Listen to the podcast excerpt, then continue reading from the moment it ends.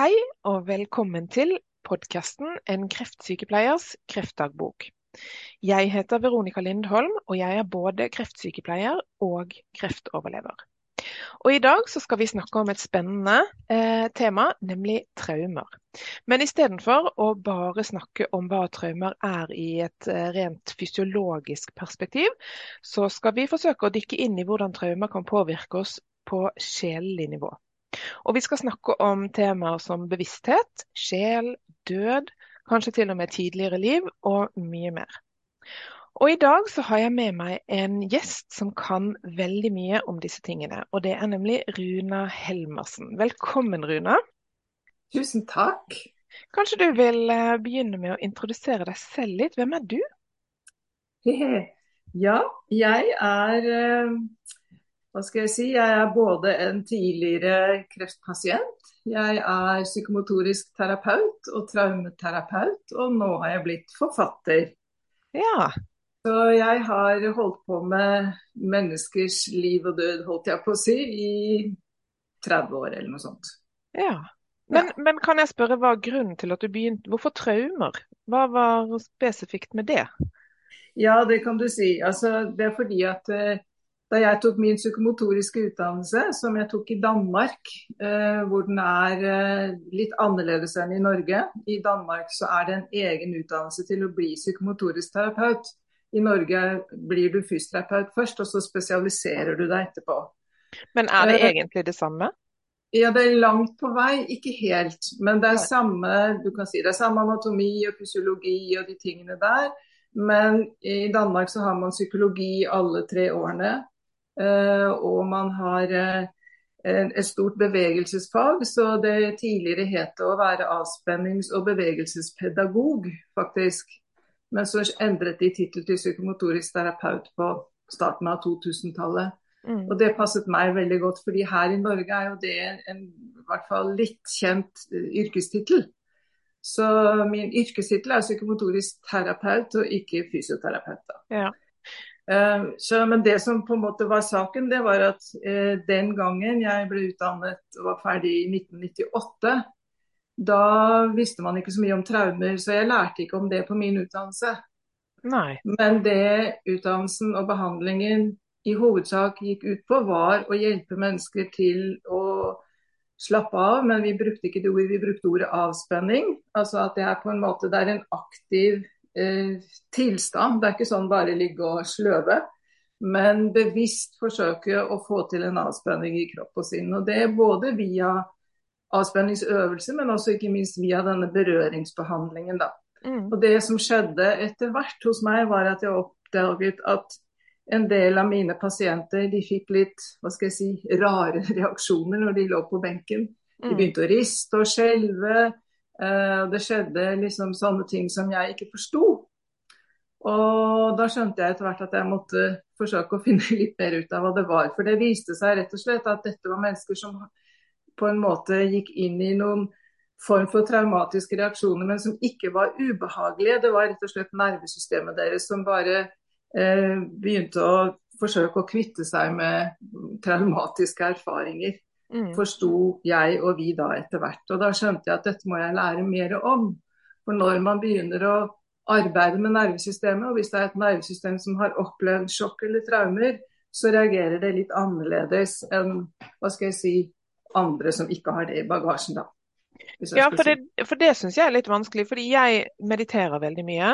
Og ja. jeg opplever veldig ofte at jeg får sånne ja, nesten sånn at kroppen begynner å riste litt da, ehm, mm. mens jeg mediterer.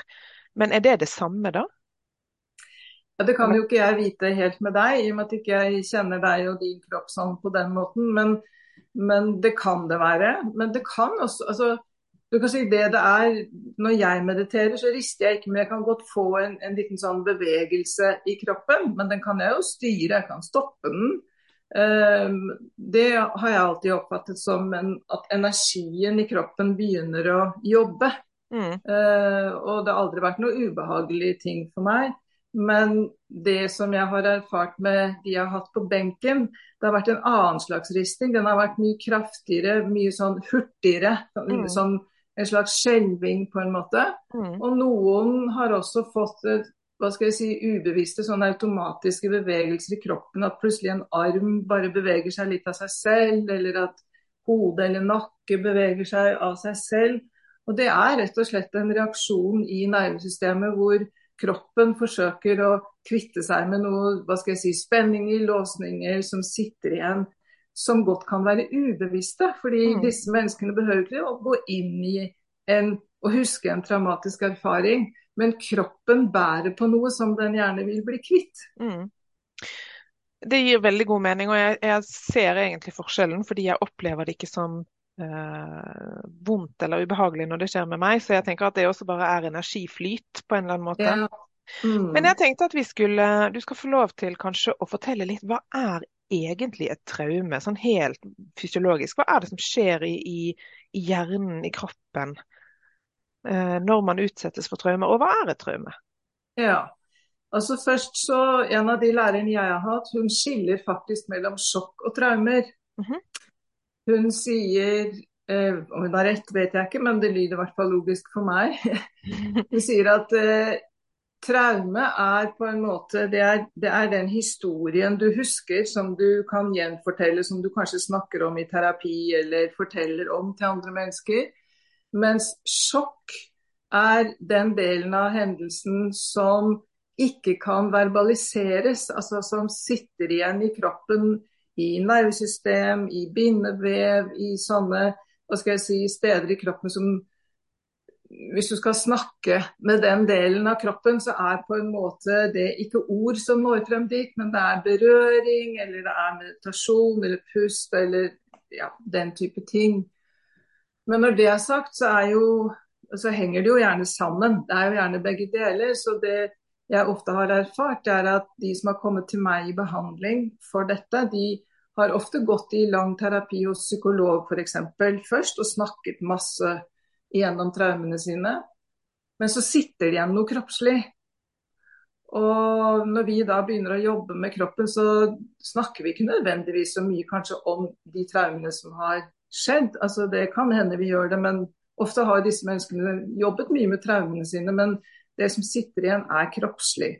Det kan mm. være smerter, det kan være eh, dårlig pust, det kan være bevegelseshemninger. Det, altså, det kan være mange ting.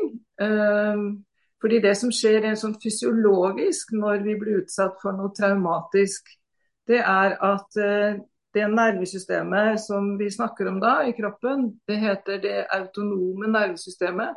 Mm -hmm. Og navnet, i navnet ligger at uh, det er autonomt. altså Vi kan ikke styre det. Det er i hvert fall det man har ment da man den gangen man ga det nervesystemet det navnet. Mm. Vi har også f.eks. et somatisk nervesystem som går til musklene, og det kan vi jo styre. Mm. Men uh, det autonome nervesystemets oppgave da er først og fremst å sørge for balanse på innsiden av kroppen. Så det går til alle indre organer f.eks. Og sørge for at alle disse organene er i si, i riktig balanse i forhold til hverandre. Mm. Og For å få til det, så, må, så er dette systemet delt i to. Eh, de har et aktiverende system som kalles for det sympatiske systemet. Og så har det et mer et ro-hvile-system som kalles for det parasympatiske. Mm. Og Disse to systemene er på en måte alltid i gang inni oss.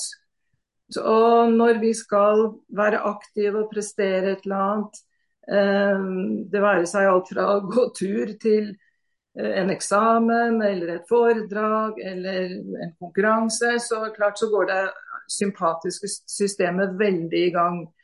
Når vi er ferdig med det og vi skal slappe av, så girer det sympatiske seg ned igjen. Og så går det parasympatiske opp, mm. fordi da skal vi hvile. Da skal vi slappe av, da skal vi fordøye, mm. da skal vi regenerere. Og disse to skal, hva skal vi si, ideelt sett egentlig bølge litt sånn opp og ned inni oss hele tiden. Eh, men så er det det at hvis vi da har erfart noe traumatisk, så går nervesystemet i det vi kaller for kamp eller flukt eller frys. Og litt forenklet kan man si at hvis vi går i en overaktivering av dette sympatiske nervesystemet, så går det over i en kamp-flukt-modus. Hvis det er det parasympatiske som blir overaktivert, så går det i en frys eller lammelse. Mm. Det er i sånn nesten riktig. Det er ikke sånn helt korrekt. Det, det parasympatiske eller frysen er litt mer avansert, men i hvert fall bare for å synliggjøre det litt Mm. på den måten. Og det betyr at når Altså det har en slags rekkefølge. Altså først så forsøker vi automatisk, for dette skjer automatisk oppi hjernen, og vurderer, så vurderer hjernen kan jeg ta opp kampen her. Og hvis hjernen skjønner at nei, her er overmakten for stor, jeg prøver å stikke av. Mm. Hvis ikke jeg kan stikke av heller, så går hjernen igjen, slår over da i en frys- eller lammelsesmodus. Uh, og dette er veldig viktig å være klar over at dette er ikke noe vi bestemmer bevisst. Dette skjer fra et område i hjernen som på en måte ikke er tenkehjernen vår, altså ikke det helt her oppe. Mm. Eh, men det skjer lavere ned, og det skjer jo for å hjelpe oss til å overleve i en eller annen veldig vanskelig, fryktelig situasjon. Mm. Så selv om hva skulle du si, selv om det da tilsynelatende, la oss si det er et overgrepsoffer Mm. som ikke gjør motstand, så har man jo mange ganger hørt en overgriper si ja, men hun gjorde jo ikke motstand. Nei. Nei. Men det var fordi hun ikke var i stand til det. Mm. Og det er veldig viktig å forstå forskjellen på det. Det kan hun da ikke styre. Nei. Nei. Mm. Eh, og jeg tenker at dette må jo gjelde veldig mange altså Når vi snakker om traumer, så, så tenker jeg at mange kanskje tenker seg at dette kanskje gjelder primært i typen overgrepssituasjon. Men eh, jeg opplevde jo, i hvert fall da jeg ble kreftsyk, at jeg også gikk inn i en slags lammelse. Eh, og at det var et kjempetraume for meg å få en kreftsykdom. Og jeg tenker kan, kan vel, et traume kan vel også være noe som er langvarig, som f.eks. alvorlig sykdom. Eh, det å bli konfrontert med at du kan dø. Eh, kan det gi de samme reaksjonene? Absolutt. Altså Traumer er veldig mange forskjellige ting. Det er ikke bare det vi kanskje forbinder med vold og overgrep eller naturkatastrofer. eller Det kan være tap, det kan være plutselig dødsfall, det kan ja, være beskjed om alvorlig sykdom, det kan være omsorgssvikt. Det kan være veldig mange ting som, Mm. som utløser en traumatisk reaksjon i kroppen vår. Mm. Uh, og hva skal vi si, vi reagerer veldig forskjellig på like hendelser. Og det handler veldig mye om hva slags, hva slags bagasje vi har med oss. Hva har vi opplevd tidligere av traumer? Eh, hvordan har vi fått hjelp til å komme ut av dem, hvis vi har fått hjelp? Eh, hva slags støtte har vi rundt oss i situasjonen etter at det har skjedd? Mm. Alt det er veldig viktig i forhold til hvordan vi kan komme oss ut av det. Mm. Og Hvis vi ikke får riktig hjelp, da, og det den må ikke være profesjonell, men hvis det blir sittende i systemet i, i lang tid etterpå, så må man gjerne ha profesjonell hjelp. Fordi da er både kropp og sinn og følelser og nervesystem og alt er på en måte kommet i veldig ubalanse, da kan du si. Og hoved, altså Hovedelementet i dette handler jo om at eh, dette nervesystemet, som vi da kaller for det autonome nervesystemet, de reagerer alltid på stress. Mm. Og stress er ikke nødvendigvis noe farlig. Stress er helt fint hvis det bare er i, i små doser. Men en livsfarlig situasjon er jo en høystresssituasjon. Og er den foregår gjerne over tid. Ja, Hvis vi snakker om sykdom, i hvert fall. ja. Og man sier jo også at eh, altså, sykdom er én eh, Alvorlig sykdom er klart noe som kan utløse en traumatisk reaksjon. Dødsfall er det. Eh, og eget møte med døden. Og jeg tenker jo det at en, i en essensen i, en, i et traume, da, for å si enten det er å ha fått en kreftdiagnose, som jo absolutt er et møte med døden, det har jeg jo Mm. selv opplevd også, Mm. eh, og hadde akkurat samme reaksjon som deg, at jeg gikk inn i en form for et sjokk, men jeg skjønte ikke det før mange år etterpå Nei. at det var der jeg var. Men, men det er på en måte Dypt inni oss så møter vi liv og død. Og det er ikke sikkert vi er oss det bevisst uh, i, i den type traumatisk opplevelse man har, fordi det går jo kanskje fort over og det gikk bra og sånn. Men inni oss og i nervesystemet så er det noe som der er tett på. Oi, nå kan det ta slutt. Mm. Og det er jo et veldig eksistensielt tema. Ja. Mm. Men eh, før vi går videre til det, så, så, kjenner jeg Jeg har vært i Jeg gikk inn i en dyp depresjon etter min kreftsykdom, og gikk til konvensjonell behandling. Eh, og, og, det var primært samtaleterapi. Og det var godt, det, men det manglet noe. Og så fikk jeg et par timer med psykomotorisk fysioterapi, og det var noe helt annet. Det gjorde et eller annet. Kan du si noe om eh, Selvfølgelig på generelt basis. Hva er det som mangler i samtaleterapien, da, som, som jeg i hvert fall kjente, kjente at funket veldig godt mm. i den psykomotoriske delen? Mm. Ja, det er, det er, eh, direkte kontakt til kroppen. Ja. Rett og slett fordi samtaleterapi er kjempefint, men vi er mye mer enn bare hodet og språk og hjerne. Vi er en hel kropp, og bevisstheten vår, for å si det sånn, sånn tenker jeg i hvert fall, den lever jo i hele kroppen. Den er ikke bare i hodet. Men har vi glemt det i Vesten i hvert fall? Ja, det tror jeg. Jeg tror vi eh, på mange måter ser litt på kroppen som en maskin. Ja. Eller i hvert fall har gjort da. Nå har man kanskje eh, kommet litt ut av den tankegangen. Men jeg tror mange mennesker mange, ja. gjør det, som ikke kanskje har spesielt stor kunnskap om kroppen. altså Det er bare noe som skal surre og gå, og jeg skal mate den, og så skal jeg gå på do og sove, og så skal jeg trene den, og da er det liksom mm. da er det en maskin som surrer og går. Det er veldig mye mer enn det.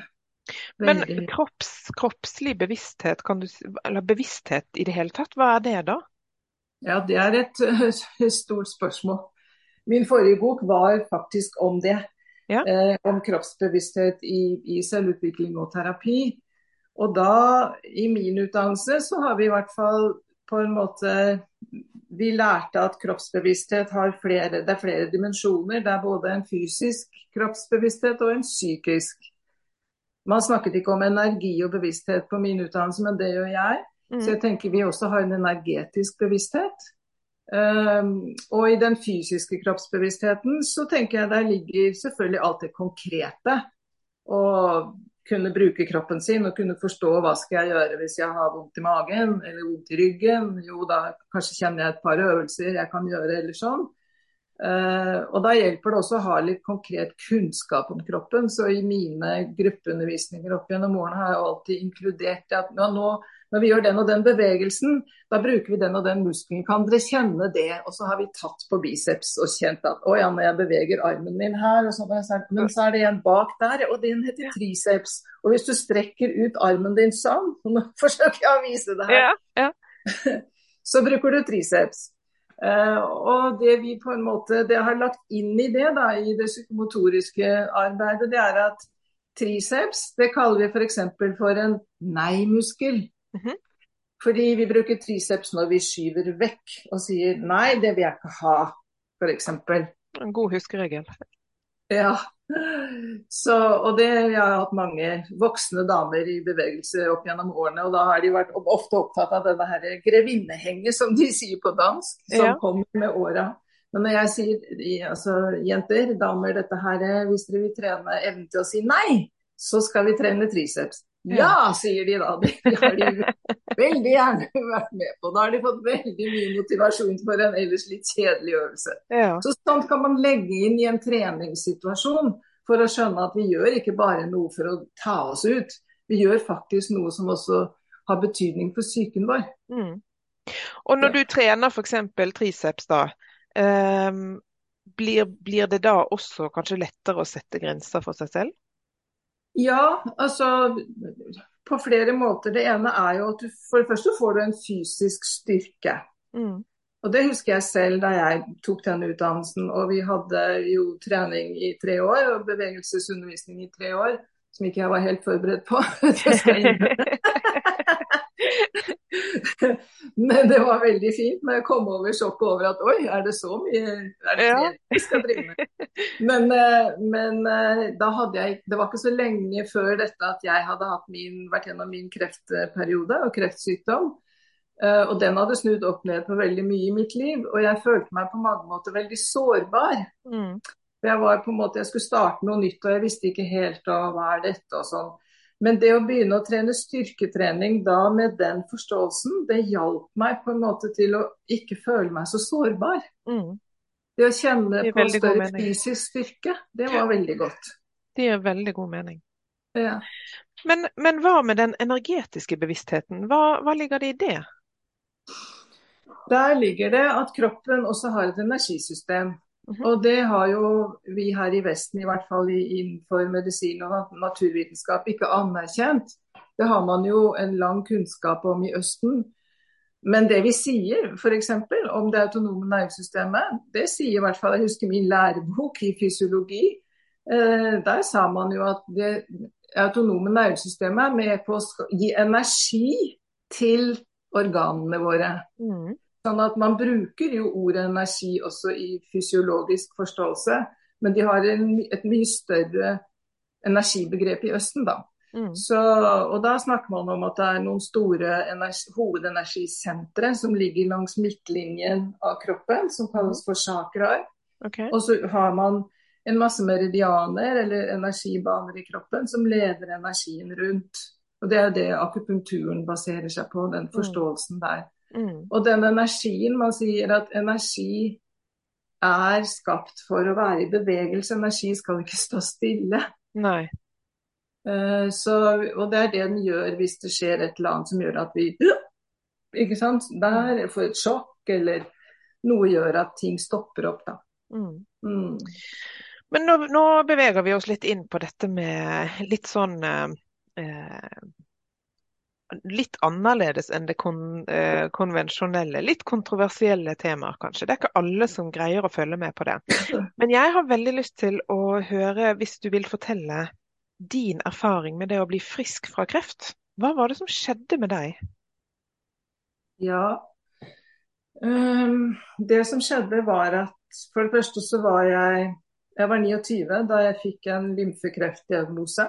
Mm Eh, og kom på Radiumhospitalet og var igjennom konvensjonell behandling med, med åtte måneder med cellegift, tøff cellegift, og strålebehandlinger etterpå. Men parallelt med at jeg gikk i, i konvensjonell behandling, så fikk jeg et sterkt behov for å gjøre noe selv også. Så jeg oppsøkte forskjellige alternative steder. Fant bl.a. frem til et selvhjelpssenter i Oslo som ikke eksisterer nå lenger, men som den gangen het Oslo kreativitetssenter. Som var drevet av en, en kvinne som selv hadde hatt kreft. Eh, brystkreft, eller to. Det ble startet av to. Mm. Eh, og eh, var veld, de var veldig opptatt av det alternative og meditasjon, men ikke kun. Altså, det var egentlig hensikten, det jeg lærte der, det var at via f.eks. Eh, samtalegrupper, meditasjon, visualisering, avspenning, så fikk jeg noen metoder eller noen redskaper til å ta vare på meg selv midt oppi alt det tøffe jeg sto i. Og så gikk jeg til akupunktur og jeg gjorde forskjellige sånne ting som jeg følte var nødvendig for at jeg skulle klare å stå i den situasjonen. Mm. Og så lærte jeg å meditere, det hadde jeg ikke gjort før.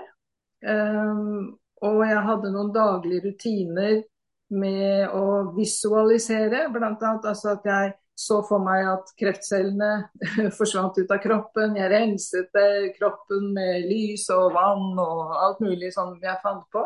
Mm. Og dette gjorde jeg hver dag. Det var et sånt daglig ritual jeg hadde. Um, og så var Unnskyld. Så var det en morgen hvor jeg lå på senga og um, hadde vært gjennom disse daglige tingene. Og så plutselig så skjer det noe rart. fordi plutselig så opplever jeg at Det er veldig vanskelig å beskrive det, men det var som om jeg både steg litt opp av senga, og samtidig ble jeg veldig lang. Ok. Uh, Men jeg visste godt at jeg, kroppen min lå på senga. Det var ikke så at jeg forlot den på, på en måte, men allikevel en del av meg forlot den. Så var det som om jeg svevde litt over kroppen. Jeg lå med lukkede øyne, men for mitt indre blikk så så jeg liksom opp mot taket, og så åpnet det seg en sånn hvit, firkantet åpning. Det var bare hvitt lys der oppe. Og så var jeg liksom Oi, hva skjer nå? Um, men så dukker Så jeg ble litt skeptisk, jeg skal innrømme det. For det, okay. det, hva skjer her? Men så dukker det opp en eh, gammel tante som var død for mange år siden, som Mhm. dukker opp eh, og titter ned liksom i den firkanten og sier Runa, det er ikke noe farlig, bare kom opp. OK, hvis du er der, tante Martha. ja, OK, da Da var det trygt. Da var det trygt, ja. Så da var det bare sånn svosj, så var jeg der oppe, liksom. Mm. Men jeg var begge steder på en gang. Jeg visste godt at jeg også lå på senga. Ja. Og så var jeg der oppe. Og ble, der oppe ble jeg på en måte lagt, lagt eller jeg befant meg på en slags benk Mhm. i et veldig lyst, veldig hvitt rom. Hvor det var mange rundt som jeg skjønte at her skulle foregå et slags healingsrituale. Mm -hmm. Noen av de som var der, kjente jeg, sånn som tante Martha. Og noen besteforeldre og andre. Og så var det vesener jeg ikke kjente. Jeg vet ikke hvem de var. Men på min høyre side, sånn akkurat utenfor hodet mitt, der var det et lysvesen. Eh, og dette lysvesenet var åpenbart dirigenten i det som skulle foregå. De andre var liksom medhjelpere. Eh, og så fikk jeg lagt en sølvkule i min høyre hånd okay. av dette lysvesenet. Mhm. Og nesten øyeblikkelig så er det som om noe blir dratt ut av kroppen min og inn i den sølvkula, som så raskt blir fjernet. Eh, og så skjer det det at jeg føler at det blir en eh, åpning mellom hode og kropp, og så akkurat som sånn her i halsen åpner det seg noe. Og så Mm. blir det sendt en energi fra halsen og ned i kroppen. Og den energien går ned i brystet mitt og ned i brystbeinet på en måte. Og der eh, fremkaller den smerte. Den var helt fysisk. Okay. Så den smerten kjente jeg i min fysiske kropp. Og da visste jeg at nå blir jeg frisk. Ja. Det var bare en liten Ikke når du ble fortalt? Ingen som sa noe, jeg bare visste det. Ja.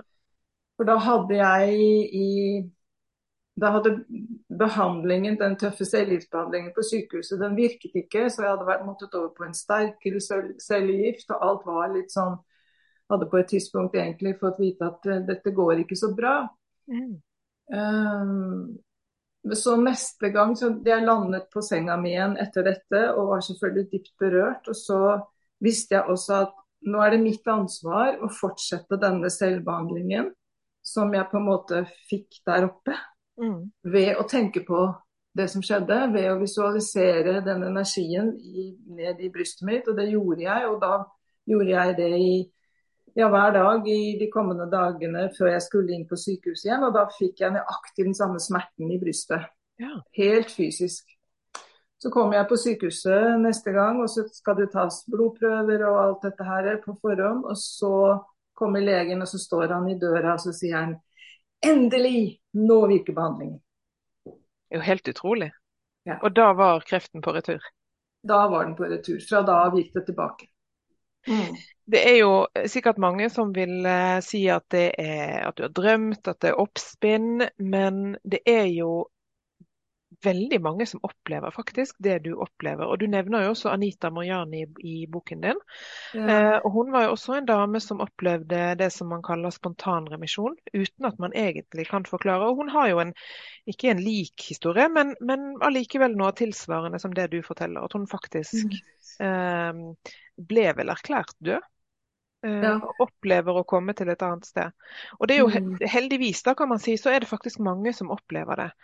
Eh, men hva, hva er det egentlig som skjer når man opplever en sånn um, Altså, du, du sier jo du var bevisst, Helt bevisst hele Ja. og så har du jo faktisk fått en, en form for healing, da, som har gjort Ja. deg Og så kan man jo også si ja ja, hva var hønen, hva var egget, var det cellegiften og strålingen som allikevel virket, eller hva er det som har gjort deg hva, er det som gjorde at du ble frisk? Jeg tror det, jeg tror det var denne hendelsen. Jeg tror at eh, noe hadde stoppet opp i den konvensjonelle behandlingen. Mm. Det, jeg kan ikke si annet enn det, men for meg var det så virkelig at jeg har, Det du sier med Anita Moriani, hun, hun har jo en veldig sterk historie fra sin nær-døden-opplevelse. Mm. Og jeg tror jo at det er sånn at vi har en bevissthet som eksisterer på mange nivåer eller frekvenser. Vi har en dagsbevissthet, vi har en søvnbevissthet. Noen kaller også en underbevissthet, som jeg mm. tror vi kan gjøre bevisst langt på vei. da. Mm. Men vi har også en så kan du si kroppsbevissthet. Vi har en følelsesbevissthet, en energibevissthet, en tankebevissthet.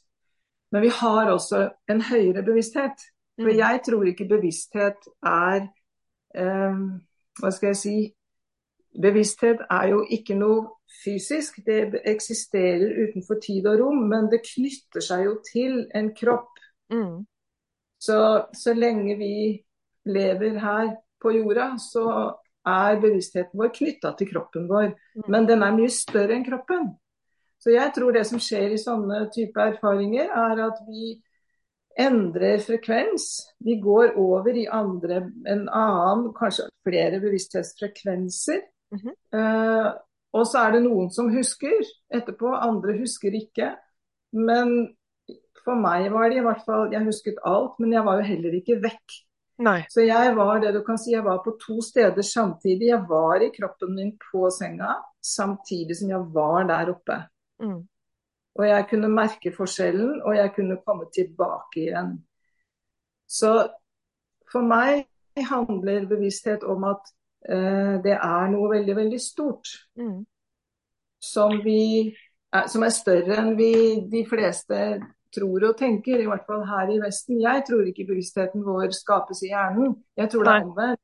Jeg tror hjernen, altså Bevisstheten bruker hjernen vår som et fantastisk instrument. Jeg elsker hjerne og anatomi og kropp og alt, det er ikke det. Men bevissthet skapes ikke der. Det tror jeg ikke. Du, du har også skrevet en del, eller snakket en del om dette med hjertet. Ja. Har det en sammenheng? Er det der det oppstår? Hva, hva, hvilken rolle spiller hjertet inn i alt dette her? Hjertet er kjempeviktig eh, som én bevissthetsfrekvens. Um, det oppstår jo heller ikke bevissthet der, men jeg tror at uh, hjertet som organ er Det er mange i hvert fall som hevder det, som ser på liv og død og sjel og kropp litt sånn som meg, at, at uh, hjertet er sjelens viktigste organ. Ja. Så det er liksom fra den mer åndelige siden. Men så er det jo også forskere som har funnet ut av f.eks. at hjertet, altså alle organene våre har jo, danner elektromagnetiske felt. Mm -hmm. Hjertet danner det største feltet. Nemlig. Hjertets elektromagnetiske felt dekker faktisk hele kroppen, sier disse forskerne. Og ikke bare det, men via dette hva skal jeg si, feltet rundt oss, så kommuniserer vi faktisk med andre menneskers elektromagnetiske felt. Og man mm. har visstnok funnet ut av at altså ett menneskes hjertefelt, for å si det sånn, mm. kan synkronisere seg med et annet menneskes hjerneelektromagnetiske felt. Nå begynner det å bli komplisert. ja, ja, men det du forteller er i hvert fall at vi kommuniserer med hverandre på veldig mange plan. Mm. Ikke bare med å sitte og snakke sammen. Nei. Så det du spurte om i stad med hvorfor det psykomotoriske, ikke sant? hvorfor virker det som det gjør? Jo, det virker på det fysiske, på berøring, men det virker også på energiplan, mm. tenker jeg da. Men det vil ikke eh, psykomotoriske fysioterapeuter kanskje anerkjenne, i hvert fall mange av dem ikke. men men det mener jeg at kropp er veldig mye energi også. Det har f.eks. kvantefysikken ja, slått fast. lenge siden. ikke sant? Ja, ja. Sånn og, det, og, det, kan jeg bekrefte at jeg kjente veldig sterkt eh, de gangene jeg fikk eh, psykomotorisk fysioterapi, at det var helt åpenbart at det skjedde noe energetisk også. Hva kjente du? Jeg kjente det som om jeg fikk svar fra kroppen. Jeg kjente det som om Jeg opplevde at min kropp og det høres kanskje rart ut, men jeg opplevde at min kropp sørger. At jeg nærmest har mishandlet kroppen min i alle år. Og plutselig så fikk kroppen oppmerksomhet, og det var enormt stort. Altså, jeg opplever at der begynte kanskje min helbredelse sånn på ordentlig. Ja. Mm. Um, det, er helt, det, er helt, gjenkjennelig for meg. Mm. Det er helt gjenkjennelig. Altså Fra det psykomotoriske fagfeltet snakker vi jo om at kropp og altså muskler bærer følelser. Mm. Uh, du kan ikke liksom generalisere helt, men veldig ofte er det jo sånn at det sitter uh, det sitter frykt i magen. Mm. Det kan sitte en sorg i brystet. Uh, det kan sitte stress i nakken. Jeg tror de fleste gjenkjenner det. Ja. Men, men, hvor dypt det faktisk går, og at det går an å arbeide med å forløse det ved å ta det på alvor. Det er jo ja. det. Og at det går an å kommunisere med kroppen. For det er det som uh, jeg ble veldig bevisst på da jeg ble syk. Det var at jeg har lært eh, i gåseøyne hva egenomsorg er. Og det er å drikke et glass vin og dra på spa med venninner eller eh, spise en sjokolade en lørdagskveld. Men mm. det som gikk opp for meg gjennom denne terapien, det var at ja, f.eks. nå har jeg et plaster på fingeren her. At jeg da kjenner på dette lille såret og, og faktisk snakker med det i gåseøynene og sier dette skal vi fikse sammen. Jeg ser ja. deg. Jeg... Og plutselig så åpnet det seg helt nytt, en helt ny verden i forhold til hva er egenomsorg. Og jeg kjenner jo at kroppen responderer.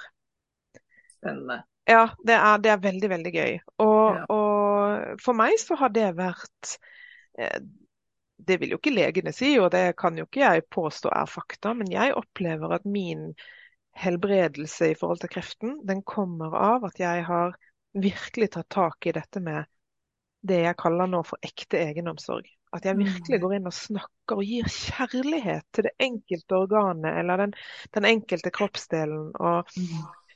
Det vet jeg ikke om du kan noe om, men jeg, ble, jeg, fikk eh, vite på et tidspunkt at cellene de gjør som de skal gjøre. De er programmert til å fungere på en viss måte. og Hvis du, blir, hvis du ligger i koma, så vil allikevel cellene gjøre det de skal.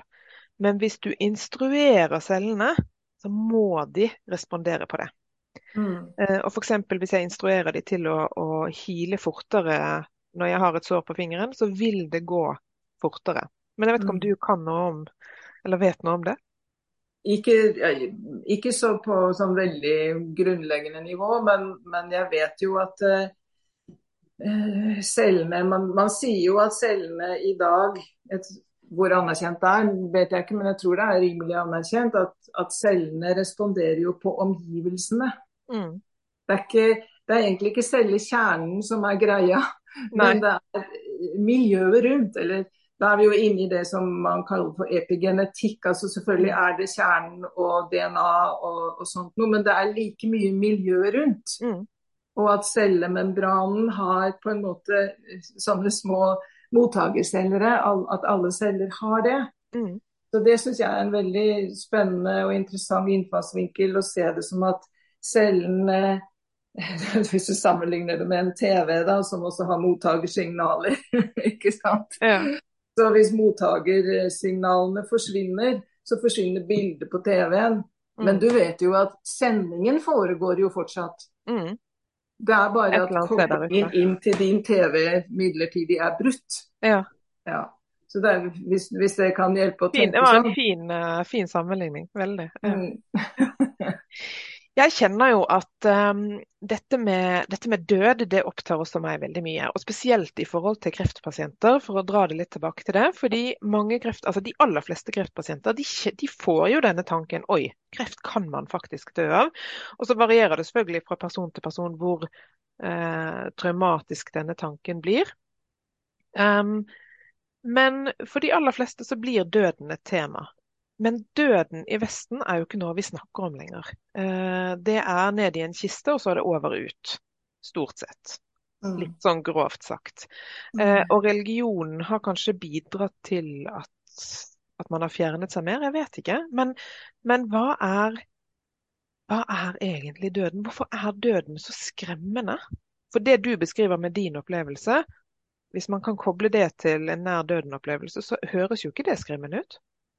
Nei, og jeg tror heller ikke at døden er skremmende, men jeg tror vi, den er blitt skremmende fordi vi har gjemt den bort. Og fordi vi ikke snakker om den, det er det ene. Og det, så har selvfølgelig kirken og religionen brukt, brukt dø, tanken om døden og helvete og straffedom og, og mm. sånne ting. Så er det klart at da det skaper jo frykt. Mm. Men jeg tror aldri det har vært meningen. Jeg tror ikke det er sånn heller.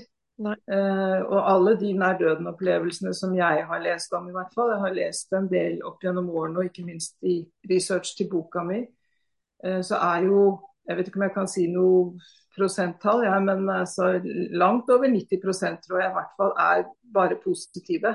Mm. Uh, folk kommer tilbake med fantastiske beskrivelser av lys og kjærlighet og møte med åndelige vesener, møte med avdøde familiemedlemmer. Og det som jeg syns jeg har erfart og lest altså Det de sier, veldig mange, det er at den opplevelsen, når de har hatt en nær døden-opplevelse, den er mer virkelig enn denne virkeligheten her. Mm. Så virkelig føles det. Og, og sånn hadde jeg det litt Hva sier du? Ja, det høres jo litt rart ut. Ja, men, det, det, gjør det. Men samtidig så, så tenker jeg at ja, jeg hadde det litt sånn i min erfaring også. At det, det var det var så virkelig som Altså, ja, jeg kjente det helt fysisk, det som mm. skjedde. Men vi har vel på en måte For det første så har vi jo blitt veldig rasjonelle i vår del av verden. Og naturvitenskapen har jo blitt en gud, på en måte. Ja. Eh, sånn at eh, alt som ikke kan rasjonelt forklares og dokumenteres og bevises og gjentas, det kan vi ikke godta. Jeg tror bevissthet ikke kan bevises på den måten. Jeg tror Nei. ikke det. Nei, jeg tror heller ikke det. Men det er faktisk en norsk hjerneforsker som heter eh, Johan Fredrik Storm. Han sier det at jeg tror kanskje vi må se på at bevissthet er som et slags eget fenomen i universet, på linje med at vi har lys og lyd og gravitasjon og, og sånne mm. ting. Men at foreløpig har vi ikke instrumenter eller metoder til å kunne bevise hva det er. Mm. Og jeg husker også i min uh, psykologibok fra Jeg tok et sånt fag psykologi på universitetet. og Han som hadde skrevet den fagboken der, han skriver at uh, ja, psykologi var jo opprinnelig læren om sjelen. Mm. Læren om Gud, egentlig. Mm. Men det ble så vanskelig uh, opp gjennom årene. Så på 1800-tallet så bestemte man seg for at nei, vi må fjerne sjel og Gud og sånn. Og så mm så vi, sitter vi tilbake med virkningen av sjelen. Mm. Så han definerte da, eller han sier at psykologien er virkningen av sjelen, og det syns jeg er litt morsomt. Mm.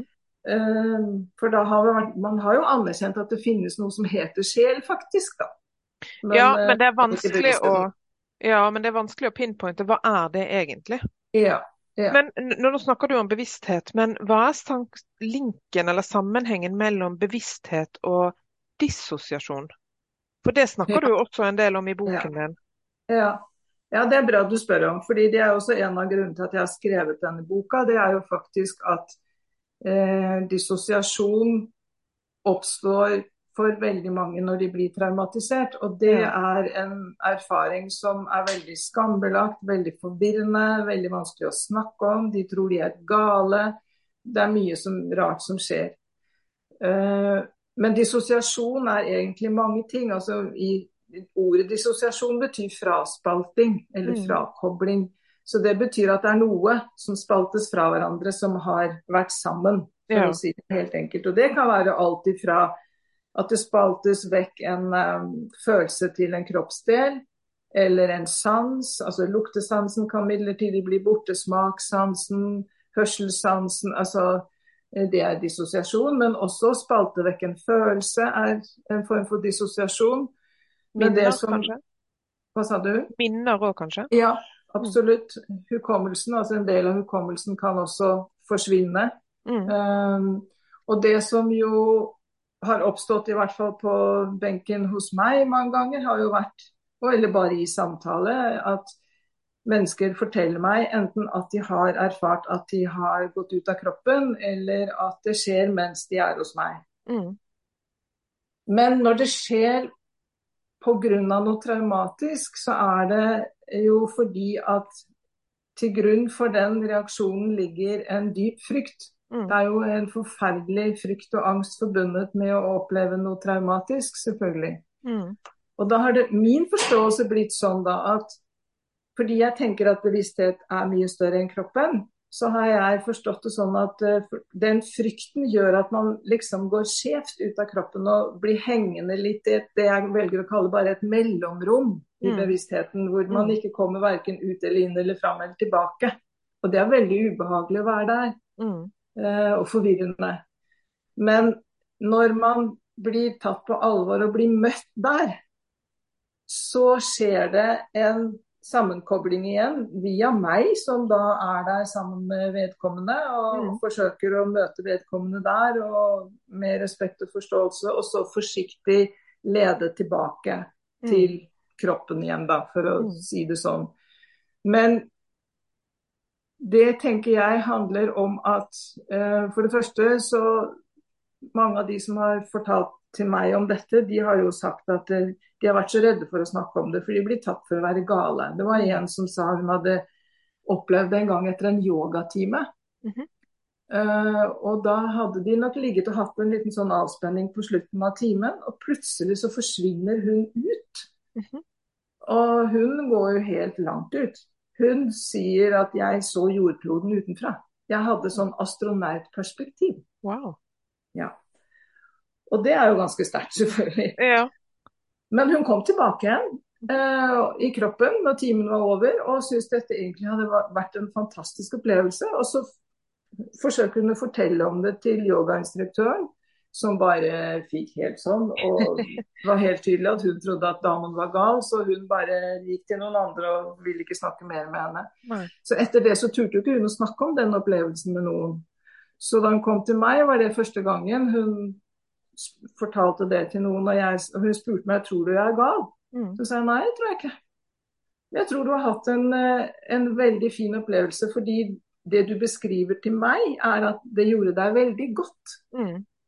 Hun var lykkelig, Mm. og hun bevarte det, til tross for at hun fikk den reaksjonen fra yogainstruktøren, så bevarte hun allikevel opplevelsen som en slags skatt inni seg, for hun syntes det var fantastisk. Mm. Og det skiller litt på en, en dissosiasjon fordi du er redd, og en dissosiasjon kan du godt kalle det fordi hun forlot kroppen, eh, men hun kom tilbake igjen. Og da er det jeg tenker at eh, det som ligner å gå ut av kroppen i mange spirituelle tradisjoner, Mhm. det er at da går man gjennom hjertet. Ja. For hjertet er et sentralt balanserende energisenter i kroppen. Og da er vi tilbake igjen til det vi snakket om i stad, Ja. med disse syv hovedsentrene, ikke sant. Ja. Eh, chakraene i kroppen. Og da er hjertet i midten. Det er tre store chakraer nedenfor og tre ovenfor. Mm. Men hjertet er et slags balanserende chakra. Mhm. Så hvis man går Hvis vi skal forestille oss da dette med å gå ut av kroppen, som sikkert er veldig rart for mange, men jeg tror Ja. mange opplever det også uten å snakke om det, Ja. så er det tryggere å gå ut av kroppen via hjertet enn å gå sånn skjevt ut fordi du blir redd. Ja. Og så blir du hengende i noe som liksom er ubehagelig. Så det er der jeg har sett på Det var derfor jeg begynte med denne boka også. Både fordi at jeg tror at det er en naturlig reaksjon. Alle kan oppleve å dissosiere. Alle kan Mm. bli traumatisert. Jeg tror nesten ingen kanskje har opplevd det. Jeg tror det hører til menneskelivet. Mm. Men det behøver ikke å henge igjen som en livslang dom, som Peter Levin sier, en av disse traumeguruene. Et traume behøver ikke å være en livslang dom. Men vi må anerkjenne at det skjer, og at det er naturlig. Og jeg tenker det er naturlig for vår menneskelige bevissthet å da endre seg. Mm. At enten forlater jeg kroppen helt eller delvis, eh, eller jeg går opp i en annen dimensjon. Og det har jeg også hørt mennesker si. Mm. At det har ikke bare vært forferdelige dissosiative, vonde opplevelser, men jeg har også hørt mennesker si ja, jeg kom opp et sted hvor det var godt å være, jeg. Mm. Så, Men trenger det mm, å være Det du beskriver nå, er jo egentlig litt sånn ytterpunkter. At man enten eh, spirituelt sett går bevisst kanskje ut av kroppen, eller at man dissosierer pga. på grunn av et traume. Men kan man eh, Fins det grader av dissosiasjon over tid? Um, og grunnen til at jeg spør det er fordi at Da jeg gikk inn i den depresjonen som jeg fikk etter min kreftsykdom, så følte jeg meg i eh, ja, kanskje et år som om jeg gikk nærmest litt sånn ved siden av meg selv. Jeg var liksom ikke helt inne i kroppen min. Men kan det Er det- også dissosiasjon? det kan høres sånn ut, ja. Mm. Dissosiasjon er veldig mange ting. Mm. Eh, og, og for noen skjer det en enkelt gang, ferdig med det. Og for andre kan være ute av kroppen i mange år. Mm. faktisk. Kan nesten leve sånn. Det blir en måte å leve på. En av de som jeg har med i boka mi, jeg har et kapittel om en som jeg har kalt for Johanne. Mhm. Som opplevde forferdelige ting da hun var helt liten. Eh, Og i dag er en godt voksen kvinne med egne barn. Men hun, da hun kom til meg, hun skjønte vel mer eller mindre at hun har vært dissosiativ og ute av kroppen egentlig hele livet. Mm.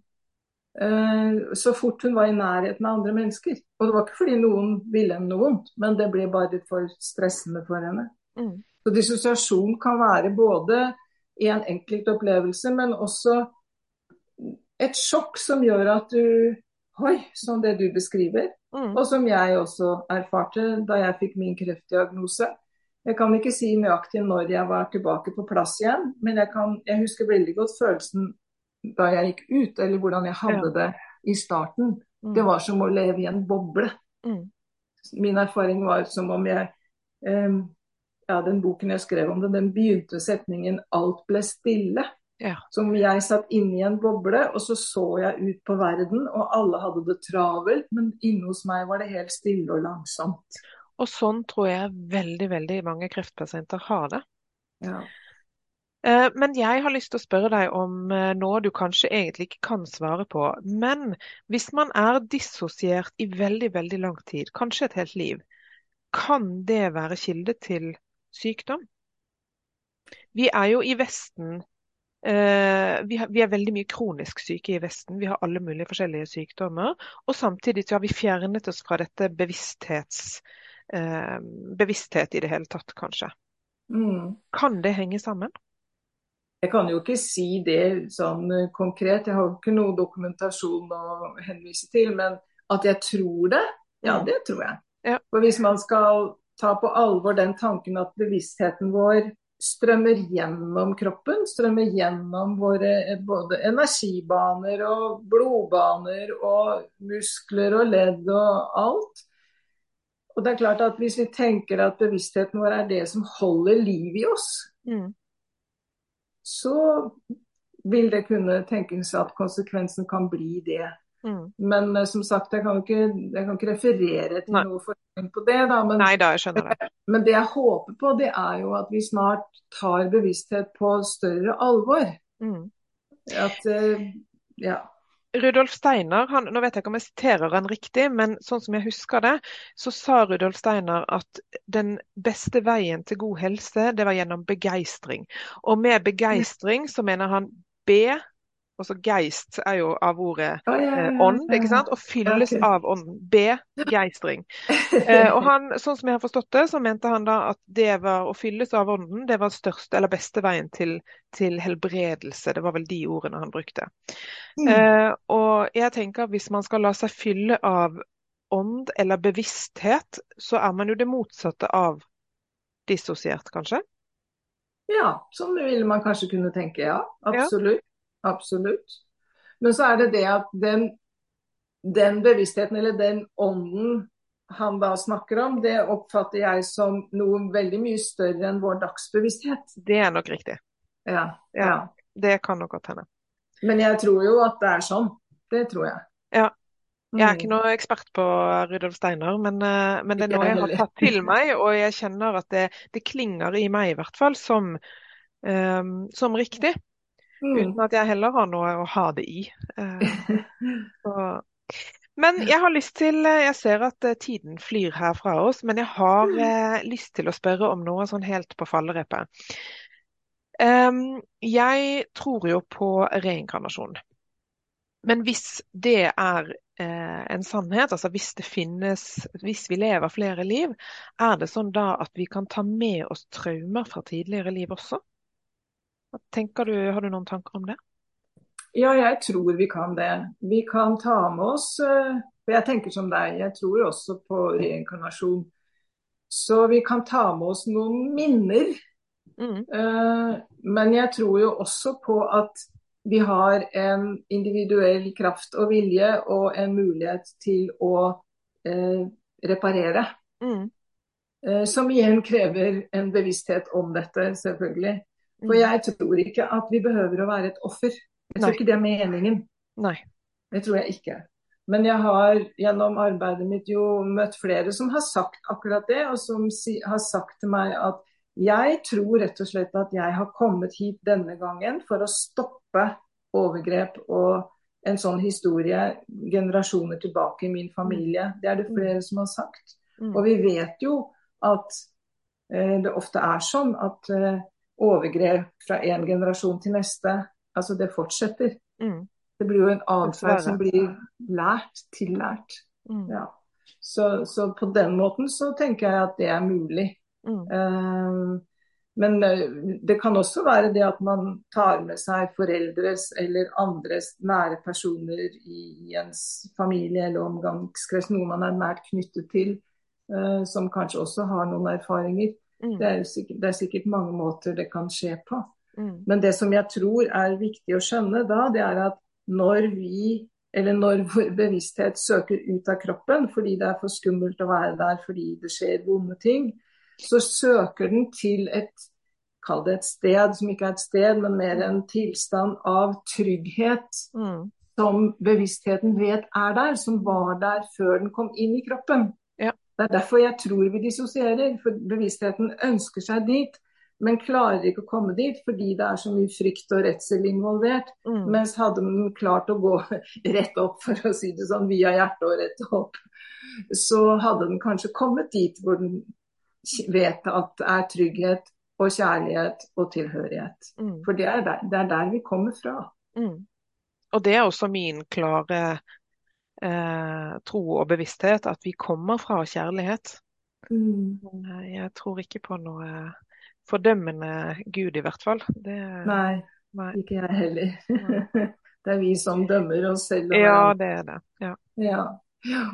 OK. Er det noe mer du har lyst til å tilføye? Altså, jeg hadde jo en liste så lang som et ondt år med spørsmål. Jeg ser at jeg nesten ikke har spurt deg om noen ting, men nå har det snart gått en time. Okay.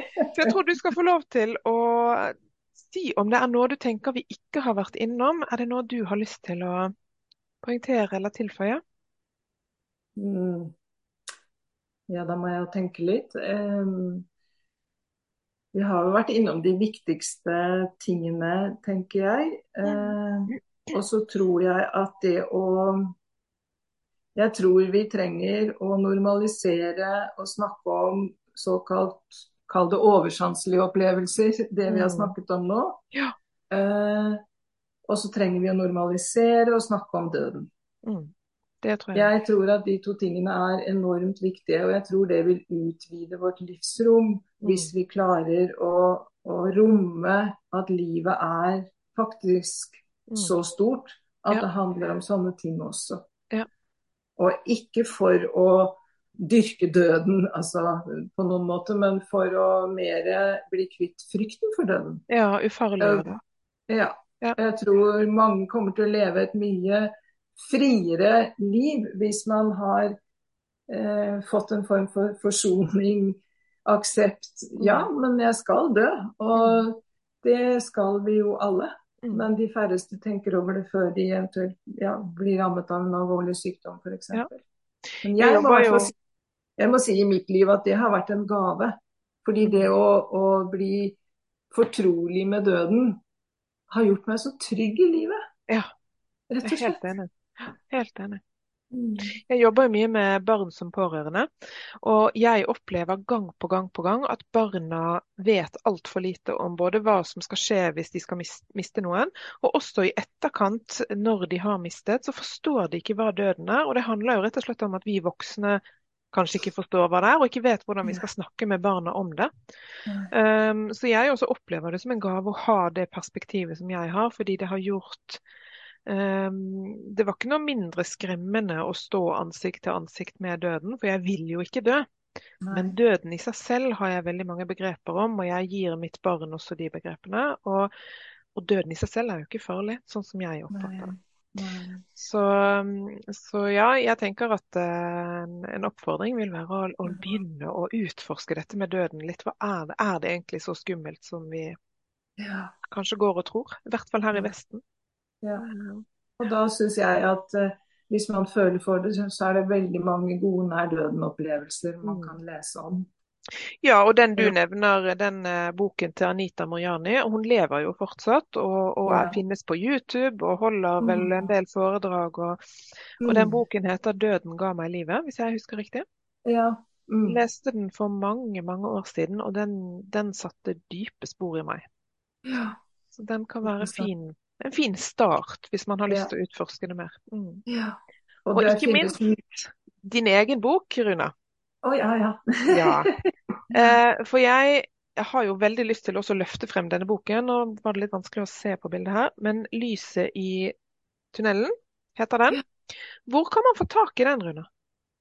Hos meg eller hos forlaget.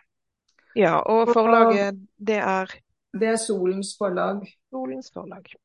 Mm. Og ellers så er det bare å søke opp meg på mitt navn, så sender jeg den i posten. Og du tar også imot pasienter, eller? Ja, Eller klienter, heter det kanskje? ja jeg sier klienter, men Ja. altså Ja. Og da kan man få eh, psykomotorisk behandling, traumebehandling. Ja. Som Mm. er en kombinasjon av kroppsbehandling, samtale, bevissthetstrening, pust, øvelser. Det er liksom en hel pakke Mm. som tilpasses individuelt. Ja. Mm. Uh, og for uh, Nå har jo jeg en del lyttere som eh, er eh, enten kreftpasienter eller har hatt uh, kreft. Er det sånn at man kan komme til deg hvis man eh, bare i gåseøyne har hatt kreft som et traume, eller som opplevd det som vanskelig? Og jeg sier det i gåseøyne, for det, det er ikke bare bare. Men man tenker gjerne på, igjen, som jeg sa i starten, man tenker gjerne på traumer som f.eks. overfall. Men uh, Mm. det er nok Absolutt, å få en kreftdiagnose kan godt være en traumatisk erfaring. Ja. Så ja, jeg snakker med mennesker om det òg. Så det Ja, absolutt. mm, Bruke min egen erfaring. Yes. Mm. Jeg er veldig takknemlig for at du ville komme, Runa. Tusen, tusen takk. Eh, Da håper jeg at eh, de som lytter også tar kontakt med deg og eh, får god hjelp av deg. Det er jeg helt sikker på. Takk skal du ha. Takk for i dag. Ha det bra.